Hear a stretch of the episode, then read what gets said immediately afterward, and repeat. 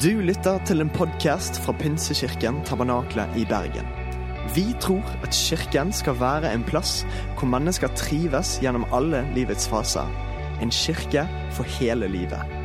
Ønsker du å bli bedre kjent med oss eller holde deg oppdatert?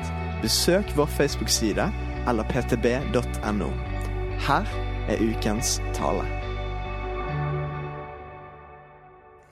Så jeg er litt i påskemodus enda, jeg, da. Jeg greier liksom ikke helt å slippe påska. Og det er jo sånn at vi, eh, vi har jo påske hele året, egentlig, vi som kristne. For det er jo essensen i budskapet vårt. Det er Jesus og det som han gjorde for oss. Og jeg har lyst til å stanse enda lite grann eh, til og med i palmesøndagens budskap. Eh, enda litt til. Men kanskje i en annen vinkel i forhold til det som eh, er vanlig palmesøndag-forkynnelse. Jeg har satt tittelen på det jeg skal dele med dere i dag 'Når Jesus kommer inn'. Og det er det som jeg har lyst til å dele litt sammen med dere. Vi går rett inn i teksten og leser ifra Matteus kapittel 21 og fra vers 10 til 16. Da han dro inn i Jerusalem, ble det uro i hele byen. Og de spurte, 'Hvem er dette?' Og mengden svarte, 'Det er profeten Jesus fra Nasaret i Galilea.' Så gikk Jesus inn på tempelplassen og jaget ut alle som solgte og kjøpte der. Han veltet pengevekslernes bord og duehandlernes benker og sa til dem:" Det står skrevet 'Mitt hus skal kalles et bønnens hus', men dere gjør det til en røverhule. På tempelplassen kom blinde og lamme til ham, og han helbredet dem. Og da øversteprestene og de skriftlærde så undrene han gjorde, og hørte barna som ropte i helligdommen, Hosianna, Davids sønn, ble de forarget og spurte ham, Hører du hva disse sier? Ja, svarte Jesus. Har dere aldri lest? Fra småbarns og spedbarns munn har du latt lovsang lyde. Herre, jeg takker deg for ditt ord. Jeg takker deg for at eh, du, Hellige Ånd, skal eh, styre mine tanker og mine ord. Og så skal du eh, åpne våre hjerter til å ta imot det du ønsker å tale til oss her i formiddag. Amen. Dette er eh, en eh, tekst som både begeistrer meg og setter spørsmålstegn i meg, og av og til litt irriterer meg. Eh, fordi av og til så kan vi tenke at vi liker den Jesus som gikk rundt og gjorde vel og talte godt til alle. Men så har du noen sånne steder i Bibelen hvor du faktisk ser en litt annen Jesus, som er litt morsk. Han er litt grann irritert. Ja, han er faktisk litt sint. Eh, og så tenker du Er det den Jesusen som på en måte vi tror på? Ja. Men hva er det han er sint på? Han er sint på urettferdighet, og han er sint på det som ikke skulle være.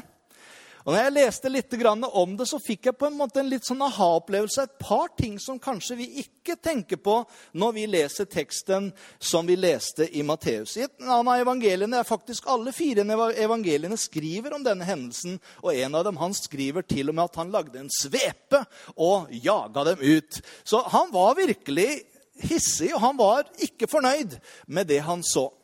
Når du leser i Gamle Testamentet om tempelet og tempelets oppbygning, så var det jo ikke inne i tempelet som dette foregikk, men det foregikk utafor, i forgården i tempelet. Det som også ble kalt for hedningenes forgård. For der kunne alle komme. Uansett rase, uansett språk, uansett hvilken folkegruppe det var, så var det et sted hvor alle kunne komme og tilbe Gud, enten de var jøde eller ikke. Inne i tempelet der kunne bare presten og jødene gå inn, men der ute var det åpent for alle å komme og få lov til å tjene. Hva hadde skjedd med denne plassen? Jo, det hadde blitt en markedsplass som gjorde at alle de som ville dit og være der, det var ikke plass til dem. Fordi de hadde opptatt all plassen. Disse som solgte, og disse som veksla penger. Ja, hvorfor hadde du pengevekslere og selgere der, da, sier du? Jo, det var jo nemlig sånn at de som kom langveisfra og kanskje ikke hadde med seg eh, noe de kunne ofre, de kunne da kjøpe det utafor tempelet før de gikk og ga sitt offer. Eh, vi snakker om den gamle pakt, da man hvert år eh, kom og gjorde på en måte avlad for sine synder for det året som lå bak. Og det var den måten de gjorde det på. Men så var det kyniske mennesker også som var her ved, ved, denne plassen. Og de gjorde det sånn at når folk kom, for det skulle jo være et lyteløst lam eh, Det var liksom regler på hvordan alt dette skulle være. Og noe av det Jesus tar opp med dem seinere også, og fariseerne var liksom, de, var ikke helt på godfot alltid. De var veldig religiøse og veldig bokstavtreller, men de var veldig lite nådefulle. Og der hadde du kontrasten mellom Jesus og de religiøse. Og det de også gjorde, det var at mange ganger når de kom dit med lam og duer etter som om de hadde mye råd eller lite råd, så kom disse selgerne og de titta på dem og sa at disse er ikke gode nok. Dere må kjøpe en av oss isteden. Og så ble det liksom måtte de legge på prisen. Og vet du hva disse gjorde etterpå? Når de var gått, så solgte de de de hadde kommet med, som om de var hele og fine. Og det er noe av det som både, Hvis du leser profeten i Gamle Testamentet, så ser du at noe av dette foregikk. Og når Jesus da kommer dit denne dagen, han har blitt hylla som konge, så ser han denne urettferdigheten. Han ser at dette rommet, som skulle være et rom der folk kunne møte Gud, var blitt til en handelsplass hvor alt annet enn det som var gudstjeneste, var rom for. Men Gud var på en måte plassert på utsida. Og Det er derfor han må ta tak i dette og snakke om det. Hvilket budskap har dette til oss i dag, da? Fordi Når vi leser eh, disse historiene, så tror jeg at eh, Gud han ønsker også å tale til oss i vår tid, som ikke lever under lovens tid, ikke lever under den tiden hvor vi hvert år må komme og gjøre avlat for våre synder. For vi lever etter etter påske, og som vi har minnes denne påska her også, hvor han som var Guds lam, kom og tok verdens synd på seg, og en gang for alle ofra seg for vår synd. Vi var alle syndere. Vi var alle borte fra Guds nåde og muligheten til fellesskap med Han. Men ved hans død og oppstandelse så har vi som var langt borte, fått kommet nær til, sier Bibelen, og vi har fått lov til å motta hans nåde. Gratis. Fri. Det kosta han alt, men for oss så kan vi få lov til å komme fram for han, og vi kan ta imot det av nåde. Men allikevel så sier Bibelen at dette tempelet det har ikke den samme betydningen for oss i dag som det det hadde for jødene, som det har for jødene, og som det hadde i den tid. Og Jesus han sier også at Gud bor ikke lenger i templer bygd med menneskehender. Men hvor bor han da? Og I eh, 1. Korinterbrev 3, 16 Det er lett å huske. vet du, Johannes 3, 16, og så er det 1. Korinterbrev 3, 16. Hva står det der for noe? Jo, der står det 'Vet dere ikke at dere er Guds tempel', og at Guds ånd bor i dere? Det er der nå Gud har valgt å bo, hvis vi da har invitert han inn i det tempelet. Dersom noen ødelegger Guds tempel, skal Gud ødelegge ham, for Guds tempel er hellig og det er dere. Dere er Guds tempel. Dere skal være hellige.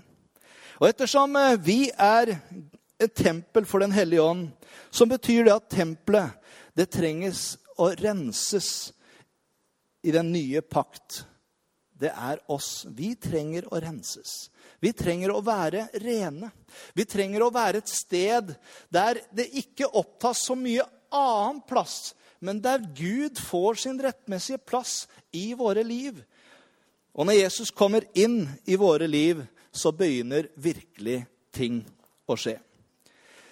Skal vi følge den veien til gjennombrudd som vi mange ganger snakker om, og vekkelse er jo et ord som vi ofte liker å bruke. Det betyr at vi må våkne opp, vi vekkes opp, og samtidig så får vi tilbake noen av de verdiene.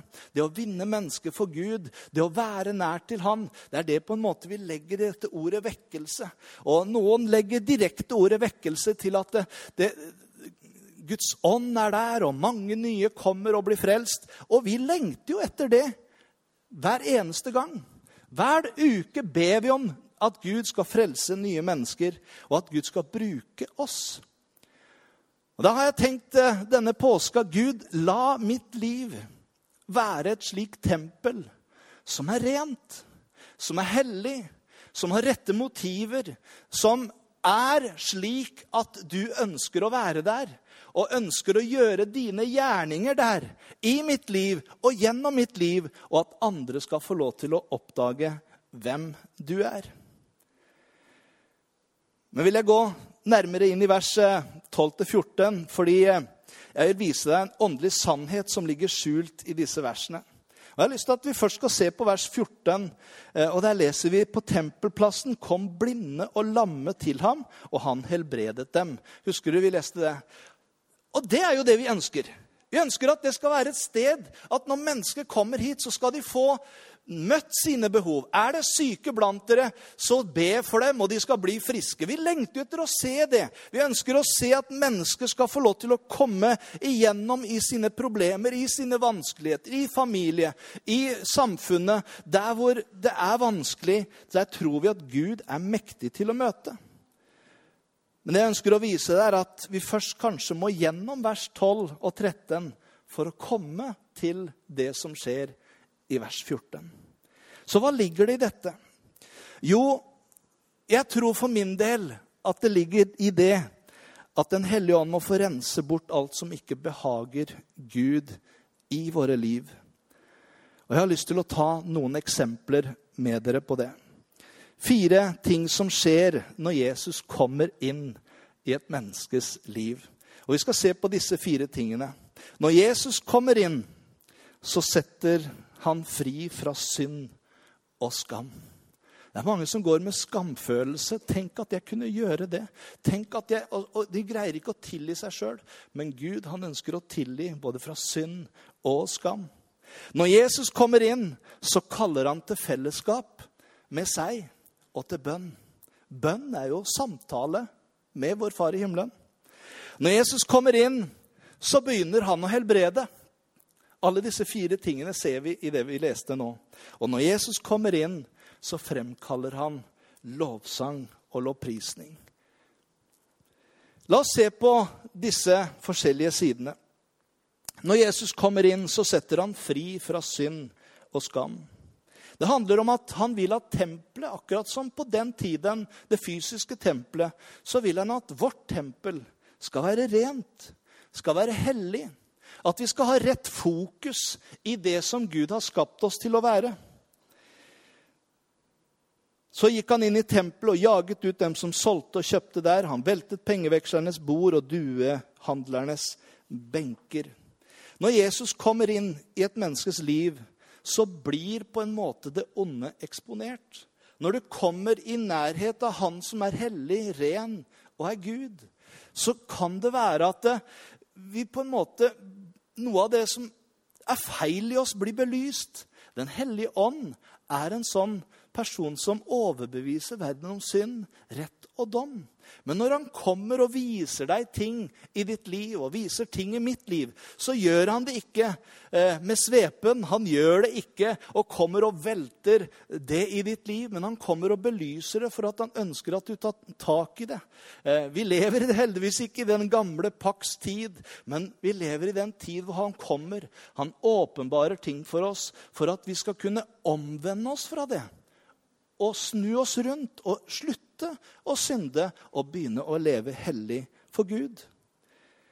Romerne 10,9 så står det for hvis du med din munn bekjenner at Jesus er Herre, og i ditt hjerte tror at Gud har oppreist ham fra de døde, da skal du bli frelst. Det første jeg har lyst til å belyse, det er de som ikke har tatt imot Jesus, som kanskje har levd uten fellesskapet med han, som ikke har opplevd han som herre og frelser i sitt liv. Og så kommer han med sin kjærlighet, med sin nåde, med sin frelse. Og så kan vi føle ja, men jeg har jo gjort så mye dumt. Jeg har jo gjort så mange gærne ting. Og så kan skam og skyldfølelse komme. Men så sier han at vi kan få lov til å komme til ham med det. Og så står det i 1. Johannes brev 1,9.: Hvis vi bekjenner våre synder, så er han trofast og rettferdig, så han tilgir oss syndene og renser oss fra all urett. Det fins ingenting som du kan gjøre mot han som ikke han kan tilgi. Når du kommer til han med anger i ditt hjerte, med omvendelse i ditt hjerte, så tar han din synd, og så gir han deg sin nåde. Og så renser han deg. Og så har jeg ikke det verset med, men jeg elsker det verset som står i Mika. Profeten Mika det står at han kaster våre synder i glemselens hav. Aldri hørt om det havet noe annet sted, men der står det 'glemselens hav', og så husker han det aldri mer. Altså, jeg har noen sånne som jeg liksom OK, jeg tilgir deg, men sant? Gjør du det en gang til, så har jeg deg her bak i harddisken. Jeg vet ikke hvordan det er med deg, men du er kanskje sånn som du bare tilgir, og så har du glemt det. Eh, men eh, av og til så kan jeg ha det sånn at det, liksom, det ligger litt der. Og nåde der hvis det, det, dukker opp noe igjen. Ja, Da gjør du akkurat det samme igjen, og så minner jeg kanskje liksom til og med på det. Husker det er ikke første gang. Men når du kommer til Jesus, så står det han kaster det i glemselens hav. Så når vår anklager, fienden, kommer og sier ja, men Linda hun har jo gjort sånn og sånn og sånn. Du husker vel det? Så sier han har ikke peiling hva du snakker om. Aner ikke hva du snakker om. Ja, men er ikke du Gud? Jo, men det er faktisk én ting min Gud ikke kan gjøre. Hva sier du, sier du? Er det én ting han ikke kan gjøre? Ja, det er én ting han ikke kan gjøre. Og det er å huske tillit til synder. Han husker det ikke mer. Det er glemt. I nådens hav har han kastet det. Så for deg som ikke har tatt imot Jesus, så har jeg lyst til å si det å komme til han, det er å få lov til å komme med all den bagasjen vi har. Og så vil han fri oss fra det. Han vil tilgi all din synd, all din skam. Og så kan du få lov til å starte som sangeren skrev, med blanke ark og farvestifter til. Ja, det Står det i Bibelen, sa du? Nei, det gjorde ikke det. Det var noen som trodde det. Om det var i Det gamle eller Nyttestamentet, var han ikke helt sikker på. Men jeg er sikker på at det er Paulus som har sagt det, sa han. Eh, men det var jo eh, en litt annen som sa det. Men eh, Paulus han sier jo som noen av deres diktere har sagt, så derfor så tenkte jeg at det var innafor å, å bruke han i dag også. Men jeg tror også for oss som har tatt imot Jesus, for oss som har begynt en vandring med han, så er det så lett å En av disse tingene i påska hvor Jesus av og til sier noe som vi ikke helt av og til skjønner. Liksom. Når han vasker disiplenes føtter, så sier han dere er jo alt rene, men dere trenger å vaske beina. Eh, så liksom, hva, hva, ligger i det? Og jeg tenker at Av og til så er det sånn vi er tilgitt, vi er på vei til himmelen. Men vi er jo i denne verden, og det er så lett å bli litt skitten på beina. Det er litt lett at det, ting bare blir dratt med tankebygninger, eh, måter å tenke på. Motivene våre trenger av og til å renses i forhold til hva som er rett. Det er så lett at vi tar inn ting i tempelet eh, som på en måte får en annen mening. Og etter hvert som vi gjør det, så er det så lett at liksom vi drar med litt og litt mer. Akkurat som de gjorde i det gamle tempelet. Først var det sikkert for å hjelpe de som kom og ikke hadde noe å ofre. Men etter hvert så tok de fordel av det, og etter hvert så ble de rett og slett kyniske. Hva har det med oss å gjøre, sier du, som kristne? Jeg tror at det er noen motiver som av og til Gud trenger å ta tak i mitt liv og i ditt liv. Hvorfor gjør vi det vi gjør? Og En av disse stedene hvor Jesus taler om dette, er i bergprekenen, når han i Matteus 6 tar noen av disse tingene. Jeg skal ikke lese hele, men bare noen av de tingene som gjør at du kan av og til bli litt skitten på beina, hvis du forstår uttrykket.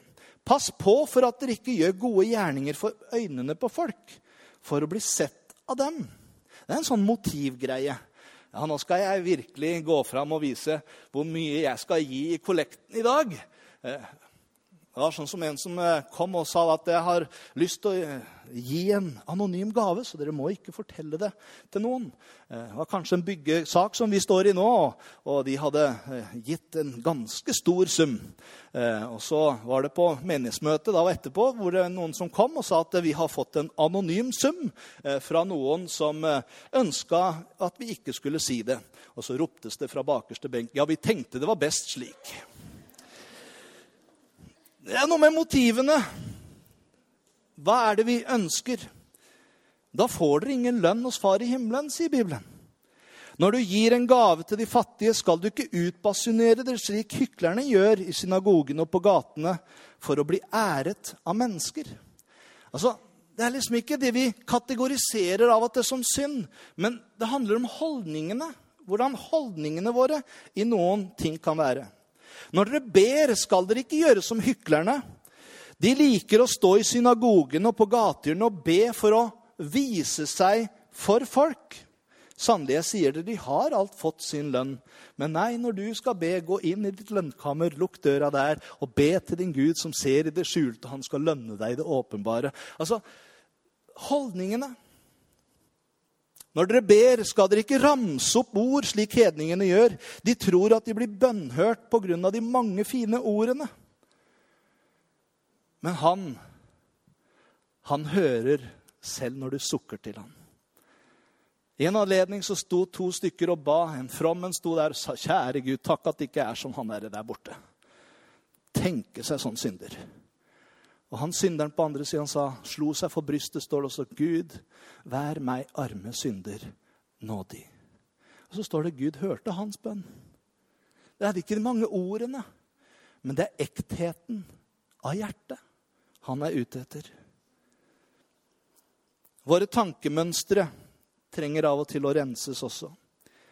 Vi, tank vi tar tanker til fange og legger dem under Kristi lydighet sier Paulus i 2. Korinterbrev 10. La oss lese det også. For vel går vi fram på menneskelig vis, men vi kjemper ikke med menneskelige midler. Våre våpen er ikke fra mennesker, men har sin kraft fra Gud og kan legge festninger i grus. Vi river ned tankebygninger og alt stort og stolt. Ikke stolthet noe av vår største fiende av og til? Som reiser seg mot kunnskapen om Gud. Og vi tar hver tanke til fange under lydighet mot Kristus. Noe annet som trenger å renses, er også våre ord. Og Jakob han snakker en del om det i sitt brev.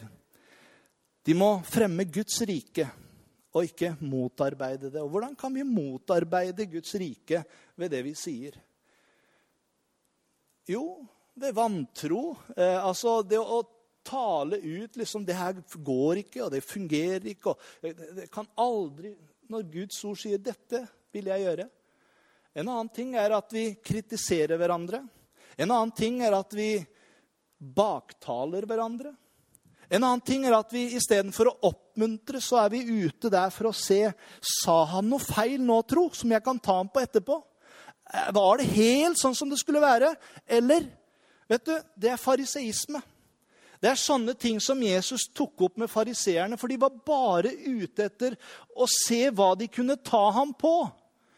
Og de skjønte ikke at det handla om mennesker som trengte å møte Gud. Og Jeg har lyst til å oppmuntre oss alle sammen istedenfor å være der og finne hvor kan vi ta noe som ikke er rett. Vær med å be i gudstjenestene når vi er sammen, for de som har kommet, de som ennå ikke har tatt valget om Jesus. Gud, takk at du taler til dem. Vis din kjærlighet til dem.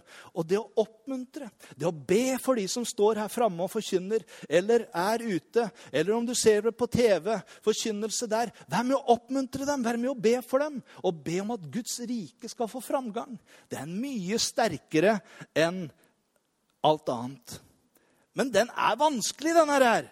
Og Derfor så må Jakob ha et helt kapittel og snakke om dette lille lemmet som eh, Ja, hva skal vi gjøre med det? Jeg har lyst til å bare oppmuntre til å lese hele kapittel 3 i Jakob. Men jeg bare lese noe. I naturen, både ville dyr og fugler, krypdyr og fisk, kan temmes og er blitt temmet av mennesker som selv er en del av naturen. Men tunga makter ikke noe menneske å temme. Skiftende og ond som den er, full av dødbringende gift. Det er liksom ikke Det er ikke noe smått, det her er. Dødbringende gift. Ja, hva, hva mener du med det? Nei, Det kan faktisk ta livet av folk.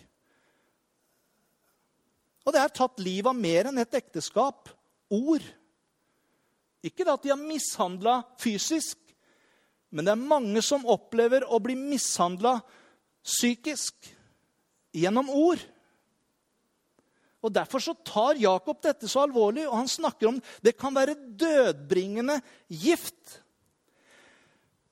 Med den lovpriser vi Gud, vår Herre og Far.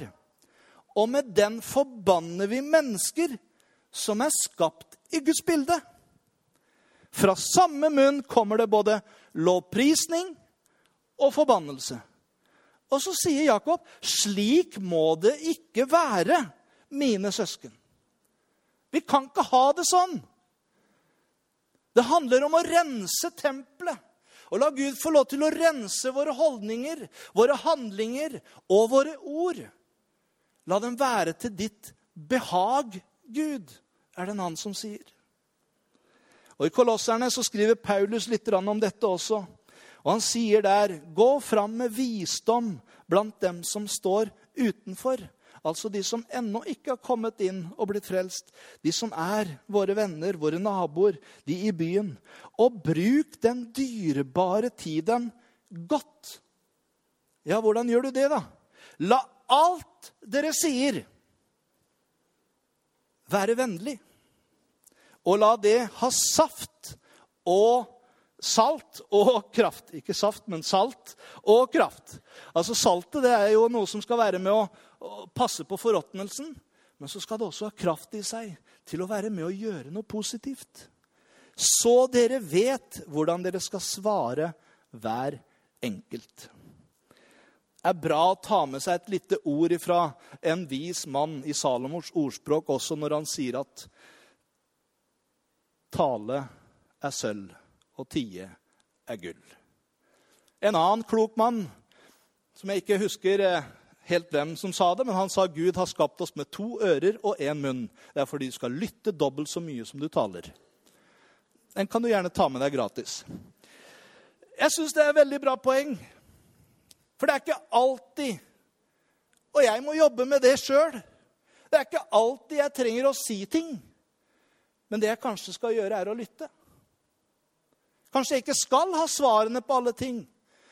Og det er kanskje sånn at de som kommer til deg og ber om hjelp, de ber ikke om svar heller, men de bare ber om noen som kan være der og lytte. Og Jeg har av og til hatt noen sånne samtaler hvor jeg har bestemt meg nå skal jeg bare lytte. Og så går de ut etterpå og har tatt en sånn samtale, og så sier de 'Takk for alle de fine ordene du ga meg', sånn. Og jeg tenkte, hva var det jeg sa for noe egentlig? Ingenting. Men egentlig så talte disse til seg sjøl. Når de fikk lov til å tømme seg, så fikk de egentlig svar på det de ville, bare fordi noen lytta.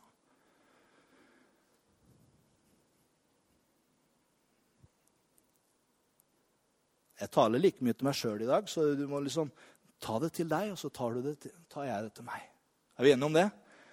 Jeg er ikke ute med svepen i dag, bare så du vet det. Men det er ting som jeg tenker kan hjelpe oss i forhold til det å rense tempelet vårt. Mitt tempel, ditt tempel.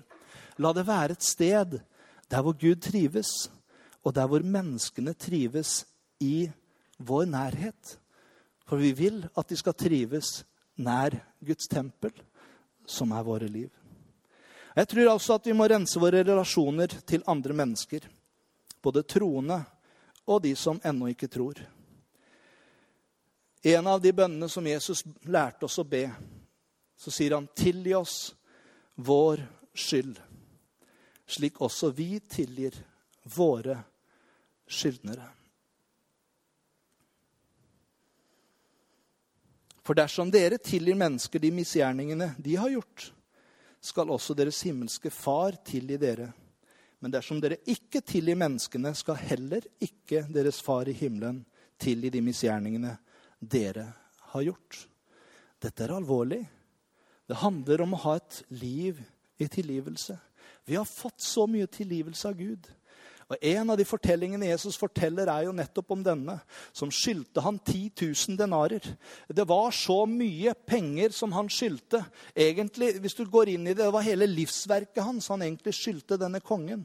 Og Han kommer fram for kongen og han sier, 'Rett skal være rett. Du skal i fengsel til du har betalt hver eneste bit av det du skylder.' Og Han faller på sine kne og ber kongen om nåde.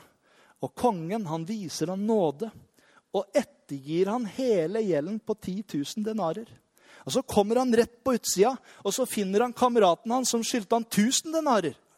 Peanuts i forhold til alt det han skyldte sjøl. Og han tar tak i halsen på han og sier, 'Jeg slipper deg ikke til du har betalt alt det du skylder.' Og han ber om nåde, på samme måte som han sjøl hadde bedt om nåde. Og sier, 'Aldri i livet inn i kasjotten med deg til du har betalt det siste du skylder meg.' Så fikk kongen høre om dette. Og da var det litt tempelrydding der også. Så han sa da at hvorfor kunne ikke du tilgi han som hadde skyldte deg så lite, når jeg har tilgitt deg så mye? Og så endte det med at han sjøl måtte sitte inne til han hadde betalt alt. En lærdom for oss. Gud ønsker at vi skal være tilgivende i vår holdning til mennesker, sånn som han har tilgitt oss. I Apostlenes gjerninger, kapittel 2, så leser du om den første kirke. Og Det står at de levde i dette og har rene og gode relasjoner til mennesker, både troende og ikke-troende. Og Der leser vi at de sang og lovpriste Gud og var godt likt av hele folket. Og Når de etter hvert skal sette inn tjenestegaver i kirken, så skriver Paulus til Timoteus at de dere skal sette til å være i tjeneste, skal være folk som har et godt vitnesbyrd av de utenfor. Ja, Hvorfor var det så viktig å ha et godt vitnesbyrd av de utenfor? Jo, fordi at mange ganger i kirka så kan vi som ungdommene si, vi kan fake litt. Vi kan stå der med hendene i været og prise Gud, og litt sånn som Jakob skriver. Men så er vi der ute, og så er vi en helt annen. Eller så er vi hjemme, og så er vi en helt annen personlighet enn den flotte, fromme, fine vi var i kirka. Gud vil at det vi lever her, skal være ekte, det skal være sant. Det skal være sånn som vi også lever der hjemme. Fordi det er de utenfor som du på en måte lever sammen med de andre dagene i uka. Og Gud vil at du skal være på samme måte der som det du ønsker å være her. Og Derfor så oppmuntrer Jakob i kapittel 5 og vers 16 om å bekjenne syndene for hverandre og be for hverandre, så dere kan bli helbredet. Et rettferdig menneskes bønn er virksom og utretter mye. Og nå går tida fra meg, så jeg skal ta de andre tingene kjapt, for det har dere hørt om litt før. Men eh, når disse tingene ryddes i tempelet For det var disse tingene som også Jesus trengte å ta et oppgjør med. Disse tingene som tok fokuset fra det som egentlig tempelet var tenkt til å være. Så begynte bønnen i tempelet. Og Jesus sier det. Mitt hus skal kalles et bønnens hus, men dere har gjort det til noe annet. Hvordan er det i mitt liv? Hvordan er det i ditt liv? Og jeg tror det er viktig at bønnen får lov til å være en riktig og viktig del i det. Lydighet, sier Samuels bok, jeg leser den nå, er bedre enn offer. For Herrens øyne farer over hele jorden, for kraftig å støtte dem som er helt med ham i sitt hjerte. Så når Jesus kommer inn, så kaller han til bønn. Gled dere i Herren alltid igjen, vil jeg si. Gled dere. La alle mennesker få merke at dere er vennlige. Herren er nær. Vær ikke bekymret for noe, men legg alt dere har på hjertet, fram for Gud. Be og kall på ham med takk, og Guds fred, som overgår all forstand, skal bevare deres hjerter og tanker i Kristus Jesus. Og I Tessalonikerne så skriver Paulus 'be uavbrutt', eller 'uten stans', eller som det står i en annen oversettelse 'be alltid'. Så kan du tenke ja, men jeg kan jo ikke holde på å be alltid. Jeg har jo en jobb, og jeg, har jo en, liksom, jeg, har, jeg skal jo spise, jeg skal jo sove. Men det handler ikke om at du skal ligge på kne og ha høyt bønn alltid. Men det handler om den relasjonen du skal ha til din far i himmelen. At det er naturlig når du tenker på valg. Hva skal du studere til høsten? Ja, så spør du Gud om det. Når du, på å si, når du skal lure på hva du skal spise til middag, ja, men ta en samtale med Gud om det. Ja, men Bryr han seg om det, da, sier du? Ja, Hvis han brydde seg om å mette 5000, så bryr han seg vel om at du skal ha mat på bordet, og hvordan du skal være. Altså, Det handler om en naturlig relasjon med din far, som vet alt og kjenner alt og elsker deg. For dette er Guds vilje med dere i Kristus Jesus. Takk Gud under alle forhold. Det står ikke at du skal takke Gud for alle forhold, men du kan takke han under alle forhold. Og når Jesus kommer inn, så begynner han å helbrede. Jeg bare elsker det. Det er to ting her som skjer i denne teksten som jeg bare elsker. Det ene det er barna som står og synger. Det står at de sang Hosianna. Davids sønn, velsignet være han som kommer i Herrens navn. De hadde blitt med inn i tempelet, og nå sto de og tilba. Og i den atmosfæren av tilbedelse og bønn som ble i tempelet, så ble det plutselig plass. Det ble rom. Når det ble ryddet i tempelet, så var det plutselig mulighet til alle de som trengte og hadde behov, til å komme fram og møte Jesus og få hjelp av Jesus. Det var lamme, det var halte, det var blinde. Det var forskjellige sykdommer. Det var mennesker som hadde nød på forskjellige måter. Og det ble plutselig plass til å komme fram til Jesus med sine behov og få dem møtt. Og det skjedde i en atmosfære av lovprisning og tilbedelse. Men legg merke til fariseeren igjen.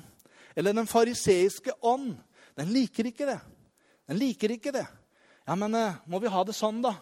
Eh, må, må, må, vi fram denne gangen? Og må vi gjøre sånn at man rekker opp hånda? eller må vi gjøre... Altså, Det er alle de ting som vi er så opptatt av, den fariseiske modellen. Men han er ikke så opptatt av det, Jesus. Han er opptatt av at mennesker skal få møtt sine behov. Og at mennesker skal ikke gå ut sånn som de kom inn, men kjenne at 'jeg har møtt Jesus'. Og jeg har fått lov til å lovprise ham. I tempelplassen kom blinde og lamme til han, og han helbredet dem. I Apostlenes gjerninger 10.38 så sier Peter eh, Jesus fra Nasaret ble salvet med Den hellige ånd og kraft, og han gikk omkring overalt og gjorde vel og helbredet alle som var underkuet av djevelen, for Gud var med ham. Og Når han sender disiplene ut etterpå, så sender han det ut med det samme oppdraget. Forkynn evangeliet, helbred syke, løs bundne, for ingenting har dere fått det, for ingenting skal dere gi det.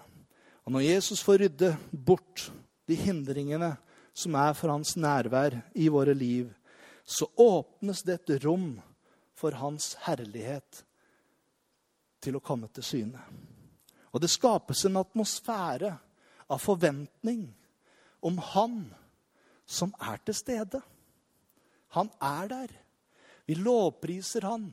Vi åpner oss opp og sier, 'Gud, kom med din herlighet. Gjør det du vil.' Og så er han her med sin kraft, med sin ånd, med sin herlighet for å møte våre behov. La meg bare avslutte med det at når Jesus kommer inn, så fremkaller han lovprisning. Og Jesus refser disse fariseerne. Men jeg har lyst til å bare ta én ting til deg. Jeg vet at tida har gått litt over. Men Jesus sier et ord. Fariseerne sier til ham Hører du disse barna synger? Hosianna, Davids sønn. Og det står Det er så festlig. De ble forarga og spurte, 'Hører du hva de sier?' Ja, svarte Jesus. Og så tenker han Jeg skal ikke begynne å diskutere her, men det er farisere. De er kjent i Skriften. Så han svarer med et skriftord og sier, 'Har ikke dere lest?' Fra småbarns og spedbarns munn har du latt lovsang lyde. Det verset Jesus egentlig refererer til, er dette, som du får opp her. Av barns og dibarns munn har du grunnfestet en makt for dine motstanderes skyld, for å stoppe munnen på fienden og den hevngjerrige. Jeg liker den 1930-oversettelsen akkurat på det området der. For å stoppe munnen på fienden. Vet du hva som skjer når du får motstand, når du får ting i ditt liv, og du kjenner at nå er fienden virkelig og vil ta meg? Hva skal du gjøre da? Begynn å lovprise Gud. Begynn å løfte opp hans navn. Begynn å beundre Jesus og hvor god han er. Vet du hva? Så ille til mote han kommer til å føle seg etter hvert når ikke du legger øre til alt det han sier. 'Nå har du det dårlig, du. Nå er det sykdom her, du. Nå er du ikke så veldig god, du. Du, du, skulle, du, du skulle, ikke sagt det.' Og, 'Det er ikke så farlig heller, du. Om du tar litt snikveier her og gjør litt feil der.' Altså, Få ham bort! Og hvordan gjør du det? Fokuser på en annen i stedet. Han som har sagt, 'Kom til meg, alle dere som strever og har tungt å bære, og jeg vil gi dere hvile'. Han som sier at 'Jeg er her for deg. Jeg elsker deg. Jeg ønsker å tilgi deg'. La oss da ved ham bære fram for Gud vår lovprisning som offer. Det vil si frukten av lepper som bekjenner hans navn. La aldri endringene i ditt liv stanse opp. La Kristus kontinuerlig arbeide i ditt hjerte og i livet ditt. La han få lov til å komme inn i ditt tempel, og la han vise deg vei. La han lede deg. La han få lov til å velsigne deg som han vil. La han rense deg og gjøre deg til den personen av bønn og lovsang, og som bringer legedom til andre mennesker